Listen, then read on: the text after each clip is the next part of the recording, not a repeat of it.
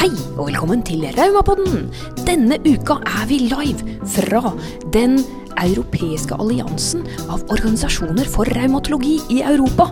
Vi er i Milan. Joakim og jeg har vandret rundt og funnet et stille, hemmelig rom, hvor vi klarer å sette oss ned og diskutere hva er det mest spennende som skjer innen revmatologien nå, og hva kan vi ta med oss hjem herfra?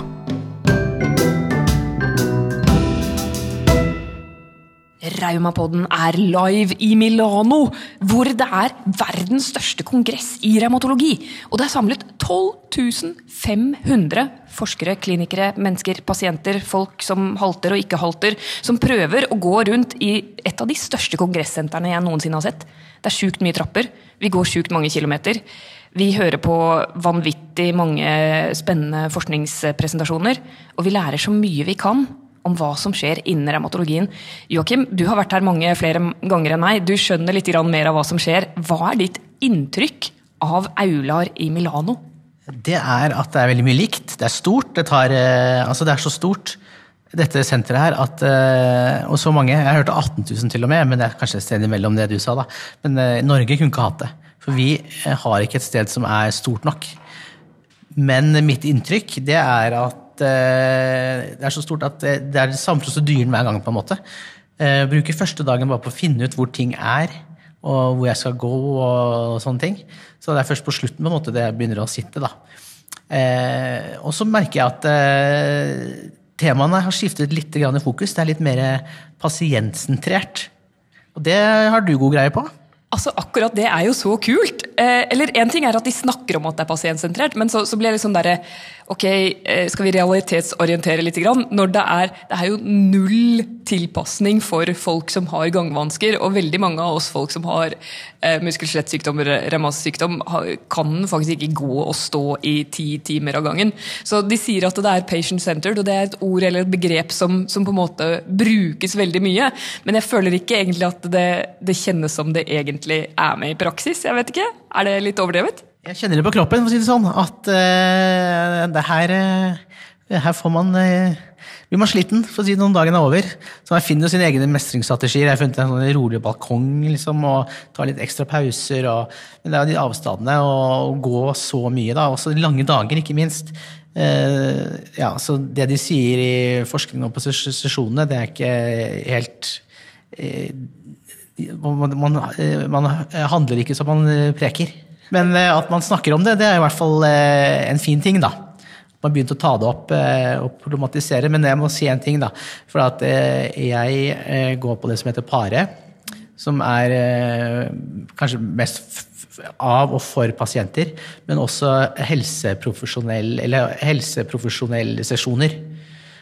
Og så er det en egen som de kaller for scientific, som er mer legemiddelbasert og biologisk, mer på detaljnivå, kan du si, da, med kroppen.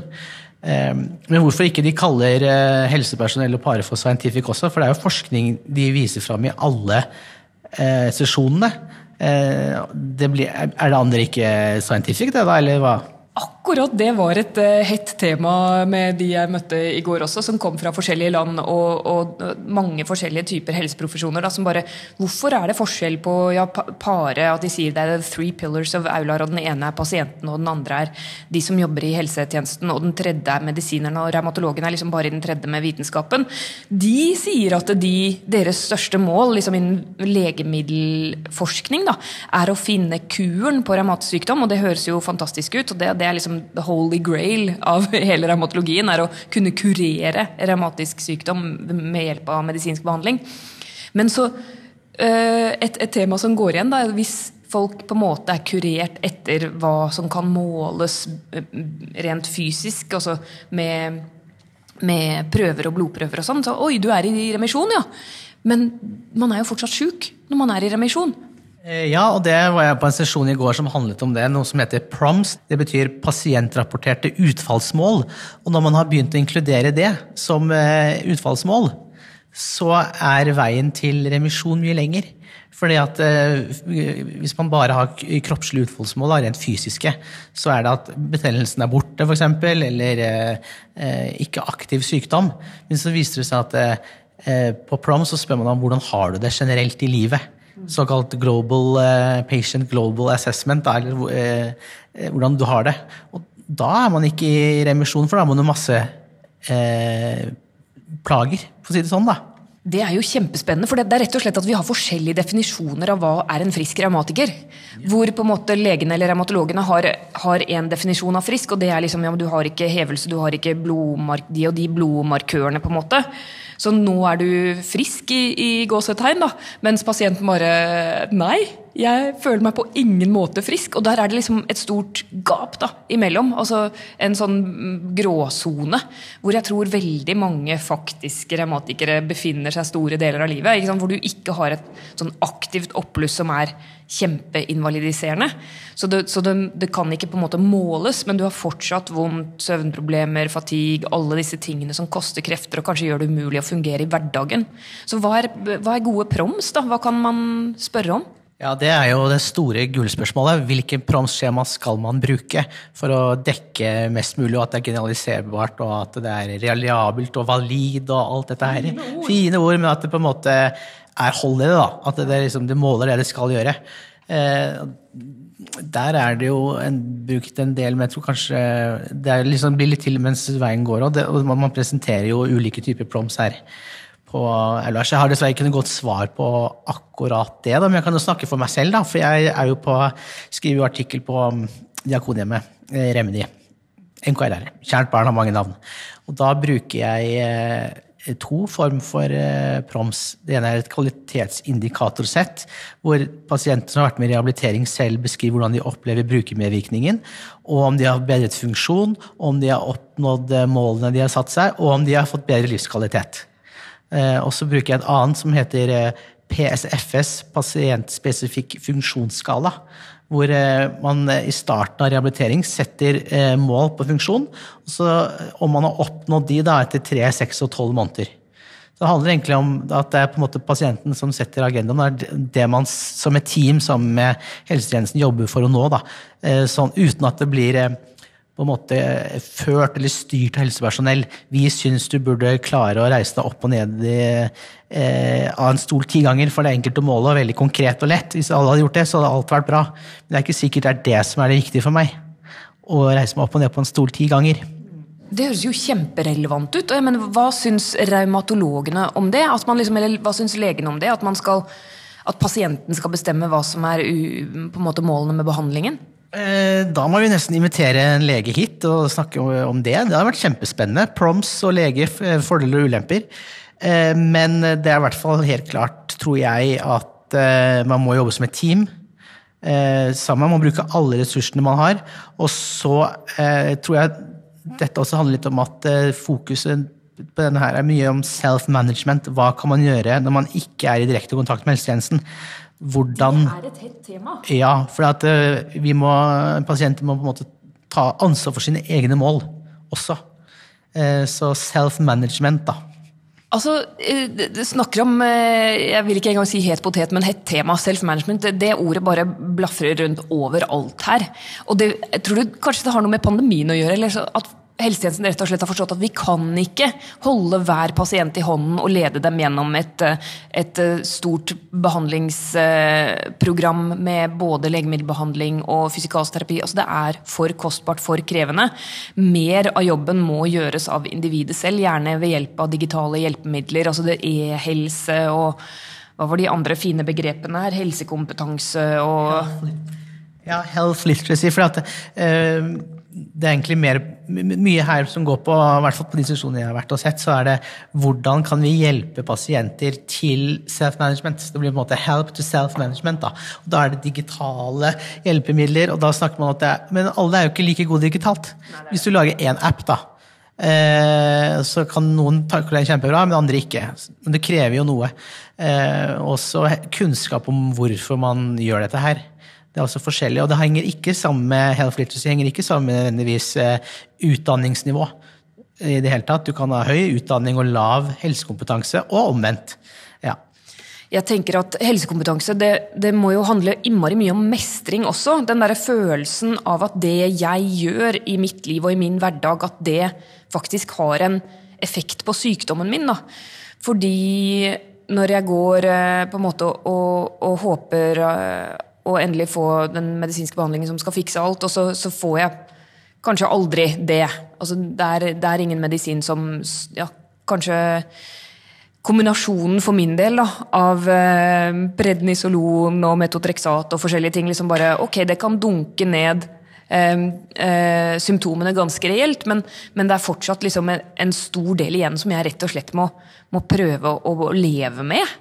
Og der kommer jo self-management inn i bildet, hvor eh, det koster krefter. Da. Det koster tid å sette seg inn i og skulle ta disse programmene og skulle lære disse metodene og gjøre øvelsene. Alt de snakket der nede om at man må trene minst to timer i uka etter liksom, eh, opplegg fra en, fra en, fysioterapeut for å faktisk ha effekt, og at nesten ingen av pasientene faktisk klarer å følge det opp. Så hva er poenget da? Ja, hva er poenget da? Men eh, alle er jo forskjellige. Og Derfor er fokuset også en del på personsentrert behandling. Eh, rehabilitering, hjelp. Eh, hvordan personer reagerer f.eks. på metotrexat er forskjellig. Så derfor er det viktig at helsepersonell er utdannet i å kunne se individuelle behov, og også at apper er individuelt tilrettelagt. Og også at de er kanskje generelle, så ikke det er én for app for hver eneste diagnose. For mange, man snakker mye om komorbiditeter, eller at én sykdom kan føre til flere sykdommer. Så skal du plutselig ha ti app, apper, da, mens du egentlig bare er ett menneske som er en helhet. Eh, så eh, lære å se individuelle behov. Så når man først er inne i helsevesenet, så eh, blir det eh, targeted, treated target, liksom spisset, da. Spisset behandling. Så ja, det, det ser en utvikling som er veldig kul. Eh, og mye henger på dette, men igjen, det er fordi at vi går på disse mer generelle eh, sesjonene. Men jeg har sett bare sånn eh, ganske eh, briefly over programmet, og jeg ser at det er litt gøy da, for meg liksom i Burg. At det er mer, kanskje, en, arrestere meg hvis jeg tar feil, hvis det er noen barnehjemslogger der hjemme. Men jeg har sett en del barneleddgikt. Veldig mye fokus på barn og unge også i strategien til Aula. Ja. ja. At vi skal gjøre livet bra for barn med revmatsykdom. Ja. Og dem som voksne. Ja, og så er det veldig kult, for jeg så en sesjon, eller at det var en sesjon, jeg har ikke sett den ennå, men heldigvis kan, den, kan jeg se den på video da, etterpå. Man rekker jo ikke overalt, det er jo så mange foredrag som går hele tida, men det var liksom fra Eh, revmatisme fra 0 til 100 år, og hvordan man skal eh, behandle, og hvordan situasjonen er i de ulike aldersgruppene. Så jeg ser for meg liksom verdenshistorien på eh, ett minutt. Liksom. At det er en sånn type, så det er veldig kult. Og derfor har jeg sett mange kjente, kjære fra Rikshospitalet f.eks., som behandler barneleddgikt. Så det er litt kult med det her, man møter det nettverket. Man møter og sier hei hopp og flus opp. Og du som har vært med i, i mange år også i Burg. Eh, det er kjempeinteressant å høre at du opplever at fokuset dreies mer mot unge revmatikere. Jeg deltok i en sesjon i går hvor det var diskusjon om hvem er den, hvem er den typiske revmatikeren, og hvor faktisk både forskerne og helsepersonellet hadde en sånn et bilde i hodet da, av den typiske revmatikeren som faktisk ikke stemte med virkeligheten. For de så for seg en person på over 70 år som ikke klarte å gjøre så veldig mye selv. Altså de, de, de stakkarsliggjorde. I hodet hadde de et bilde av en ganske sånn um, en pasient som ikke klarte å gjøre så mye selv. Men når man faktisk undersøkte hvem det var, altså statistisk sett, hvem er det som har disse sykdommene, hvem er det som, som trenger denne hjelpen som dere skal lage, så var det folk selvfølgelig i alle aldre og i alle eh, livssituasjoner. Både i jobb og ikke jobb, og, og som kunne masse. Og at det, det, bildet både forskerne og helsepersonellet har i hodet av den typiske pasient, rett og slett ikke stemte. Det syns jeg var litt interessant å høre. For da, da har de jo laget da har de jo laget antageligvis da, masse masse eh, prosjekter og intervensjoner som ikke egentlig stemmer. Det er i hvert fall ikke pasienten i sentrum. Hvis de har et bilde av hvem som er pasienten, så stemmer det faktisk ikke. liksom. Kanskje fordi det er de dere ser mest av, jeg vet ikke. Også, vi, vi får eh, revmatisk sykdom i alle aldre og alle ja, kommer fra alle forskjellige deler av samfunnet. Ja, så man prøver eh, å treffe mange, men så treffer man egentlig ingen. Vi må ta gjennomsnittet av alle. Så det er jo det motsatte av personsentrert behandling. Da, å lage sånne eh, stereotypier eller eh, maler på den typiske pasient. Så, men det henger jo litt igjen, da. Men det er jo vanskelig med forskning, for man vil jo gjerne ha svart på hvitt-svart. Man vil gjøre det lett. man vil ha Sånn er det. Men virkeligheten er veldig sjelden svart-hvitt. Så derfor eh, er det liksom på en måte én type forskning, og virkeligheten eh, litt eh, Den spiller ikke helt på lag alltid. Derfor mener jeg at man trenger flere forskjellige typer forskning. Da. Så kanskje mer også eh, kvalitativ forskning, f.eks. hvor man spør hvordan pasientene har det. Mer historie og ikke bare tall. Eh, ja, og man bruker forskjellige forskningsdesign osv. For det som helt klart har vært eh, inntrykket mitt både fra, fra Aular og, og revmatologien generelt eh, de ti årene jeg har vært med i NRF, så er det jo den store tyngden av forskningen har vært på legemiddel forskning. Og så, nå, så, har det, i hvert fall i, de, i, den perioden jeg har vært med, da, så ser jeg at det er en virkelig en dreining mot mer fokus på livsstil, mer fokus på trening, kosthold, eh, kognitiv teknikk, liksom alt du kan gjøre, mestring. Brukermedvirkning. Brukermedvirkning! Et tema vi elsker å snakke om. Så, så, um, så, det skjer jo virkelig en endring som ja, det er i retning av mer pasientsentrert og mer helhetlig. Og kanskje mer persontilpasset.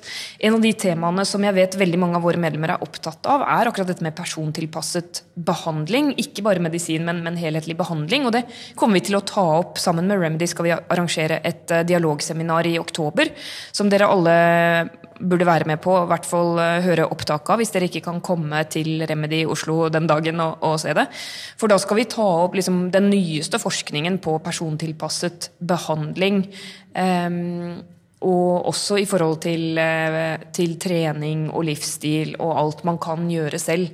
Men, men en, en, sånn liksom magisk ting da, som, som, som, eh, har blitt presentert her også, er muligheten for å, for å geneteste folk nå for å finne ut om de har eh, rett og slett mulighet til å få effekt av biologisk medisin. At der er det 20% av befolkningen rundt der, var et tall jeg hørte, som har et gen som gjør at visse typer Eh, vanlige revmatologiske medisiner rett og slett ikke fungerer for dem. De får alle bivirkningene og ingen av de medisinske effektene. Og dette har det nå endelig blitt på en måte oppdaget at man kan teste for. da, Med, med rett og slett en blodprøve. Den, koster, den pleide å koste én million per test, ikke sant? altså gentesting. Nå koster det bare 10 000 per test. Og vi vet jo at biologisk medisin har jo kosta oppimot 100 000 per år for en person å gå på. litt sånn avhengig av type, og nå har vi jo biotilsvarende medisiner også. Men det sier seg selv at det vil være så kostnadseffektivt da for, for eh, helse, helsebudsjettene våre. Men, og så hva skal man si, livs, livskvalitetseffektivt for pasientene. Tenk om du slipper slipper å gå seks måneder eller tolv måneder og prøve ut liksom Du må ta sprøyter en gang i uka og ta masse forskjellige medisiner. Og du får alle bivirkningene, liksom kvalmen og fatiguen og gudene vet hva liksom alle disse bivirkningene kan være. Men du får ingenting av den medisinske effekten. Det er jo et av løftene i persontilpasset medisin, som jeg syns kanskje er det, det mest positive jeg tar med meg herfra. Ja, både herfra også, men popularitet i forskning generelt òg. Det er jo ikke alle som er her og presenterer, men man merker det som eh, DAM-prosjektkoordinator i NRF, at det er mye som går på hvordan tilpasse medisin ut ifra eh, personen. da. Individuelle. Individuelle faktorer, ja, som man kan se. Så det er eh, veldig spennende. Men det er jo, vi må jo også nevne det. Vi må ha litt selvskryt òg. Vi har jo presentert, vi òg. NRF, eh, og jeg på vegne av eh, Diakonhjemmet, da, eh, hvor jeg har publisert en artikkel om brukermedvirkning. Og da tenker du kanskje i forskning? Nei. Du tenker kanskje brukermedvirkning i, i, i møte med behandler? Nei. Det er brukerutvalg på systemnivå. Altså i utvikling og levering av helsetjenesten for å få en persontilpasset eh, helsetjeneste. Hvordan kan helsetjenesten eh, være brukervennlig? Så det er eh, veldig kult. Altså, hallo, Fins det noe viktigere, liksom? Men, så da forsker eh, Sagen, herr her, eh, ph.d. Sagen, man får kalle det det nå, ikke sant? Eller eh, Jeg tror det heter Doktor in spe. Ok, eh, eh, herr doktor Inspe eh, Sagen. Fortell, hva er det vi vet så langt om brukermedvirkning i utforming av helsetjenester? Vi vet at det er eh, fasilitator og barriere, og det er det samme. Hvis det er eh, dårlig kunnskap om brukermedvirkning, eh, så går det dårlig. Er det bra kunnskap, så går det bedre. Og ressurser må man ha. Og så er det det at prosessen i seg selv er fasiliterende hvis ting rundt er godt ivaretatt. Så bare det at man har brukermedvirkning på sykehus og brukerutvalg, og at man på en måte kaller det 'learning by doing', da. Det er eh, veldig bra. Så alle dere der eh, helsetjenestene der ute som ikke har brukerutvalg, eller eh, etablert brukermedvirkning som en del av tjenesten, bare starte, for det er en vinn-vinn-situasjon. Vinn-vinn og learning by doing. Og da kan jo jeg eh, hoppe inn og, og komme med litt selvskryt for Sykt aktiv. For jeg har presentert Sykt aktiv her i dag, og jeg må jo innrømme at hodet er litt sånn ja, eh, Postnervøsitet, kan man snakke om det? At jeg var så nervøs før jeg skulle presentere det prosjektet. Jeg har jobbet med dette i ti år. Sykt aktiv var liksom babyen min når jeg kom inn i NRF. og den kombinerer, Det er et mestringskurs som kombinerer prosjektledelsesmetoder som jeg lærte på kreativ prosjektledelsesstudie i Sverige. um, som akkurat handlet om learning by doing. Altså å, å teste Learning by doing var liksom en av, en av de store eh, mottoene i hele det, det kurset som, som virkelig forandra livet mitt. Og jeg tok med liksom det beste derfra. Pluss alle disse både kognitive teknikkene og treningsmetodene. Og sydde sammen da sammen med, Kristin Nurang og andre i NRF et, et liksom mestringskurs som skulle hjelpe unge revmatikere å ha et aktivt liv til tross for kronisk sykdom. Og Det er ti år siden, og det bygget jo på det Fit for Work-prosjektet som vi hadde med Abbott en gang i tiden som handlet om uh, revmatikere og arbeidsliv. Altså, vi ønsket å lage noe spesifikt for yngre revmatikere mellom 25 og 55 år, som ønsket å ha et aktivt liv til tross for kronisk sykdom. Og nå Ti år senere så har det kurset vært kjørt igjen og igjen og igjen. Og igjen. Og da har vi funnet ut at en av bi, hva kaller man det, bieffektene altså en av bivirkningene En av bivirkningene av å gå Sykt aktiv-kurset det viste seg å være at folk kom tilbake i jobb. Så folk som var enten på uføretrygd eller AAP og hadde falt ut av arbeidslivet, gikk Sykt aktiv-kurset. og der fokuserer vi jo på å sette friske mål, som ofte handlet om jeg vil kunne reise på den turen med vennene mine, eller jeg vil kunne eh, gå på en fjelltopp. Eller, de, har et, de har et sykt aktivt mål, da, et bilde av en sånn crazy, frisk ting de har lyst til å gjøre. Så kommer de inn i kurset, og så hjelper vi dem å lære dem en metode for hvordan de kan få det til. Men så ble liksom bivirkningen av å gå det kurset og lære de metodene, var at folk kom tilbake i jobb. Og det rapporterte de på en måte tilbake etterpå bare. Ja, det kurset var kult, men nå, nå, ja, nå har jeg ikke tid til sånn og sånn, for nå, nå, er jeg tilbake i jobb. Og nå må vi jo måle det, da. Og det, det har vi ikke gjort. Så var, jeg presenterte så godt jeg kunne ut fra det vi har sett så langt, og folk syntes det var kjempespennende. Kjempekult. Det blir Må vi få til et forskningsprosjekt på det. Absolutt. Jeg tenker For å få på en måte Hvordan kan vi gjøre Aular enda bedre? Så har jeg et tips. For du snakket om de tre pilarene.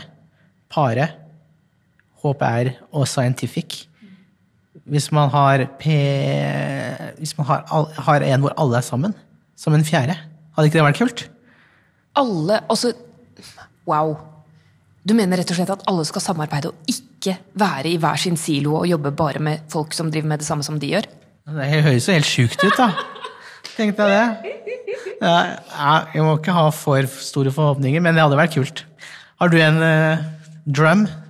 Jeg tror jeg, jeg tror jeg, tar den uh, som jeg tok som kulepunkt, uh, siste kulepunkt i min presentasjon. Gjør det gøy! For det, her er det også så mange forskjellige aktører som er inne og skal prøve å liksom få revmatikere til å gjøre ditt og datt. Og og du må trene mer, og du må ta medisinene dine som du skal, og du må ja, tenke positivt og prøve yoga. Unnskyld. Liksom, det, alt dette her du må gjøre da, som kronisk syk. Og så, og så, lager de produkter, og så lager de apper, og så lager de e-læringsprogrammer og, og lager nye medisiner osv. Og, jeg syns veldig mye av det bare tar mye mer krefter enn det gir. At jeg syns de, de, de bør ha med pasienter og sørge for at det er produkter de lager som løfter folk opp. Da. Gjør det gøy. Fordi vi har mer enn nok som koster krefter som revmatikere med kronisk sykdom og kronisk smerte. Så vi trenger liksom oppløftende behandlingsforløp. Ting som er, kjennes inspirerende, morsomt, givende å være med på.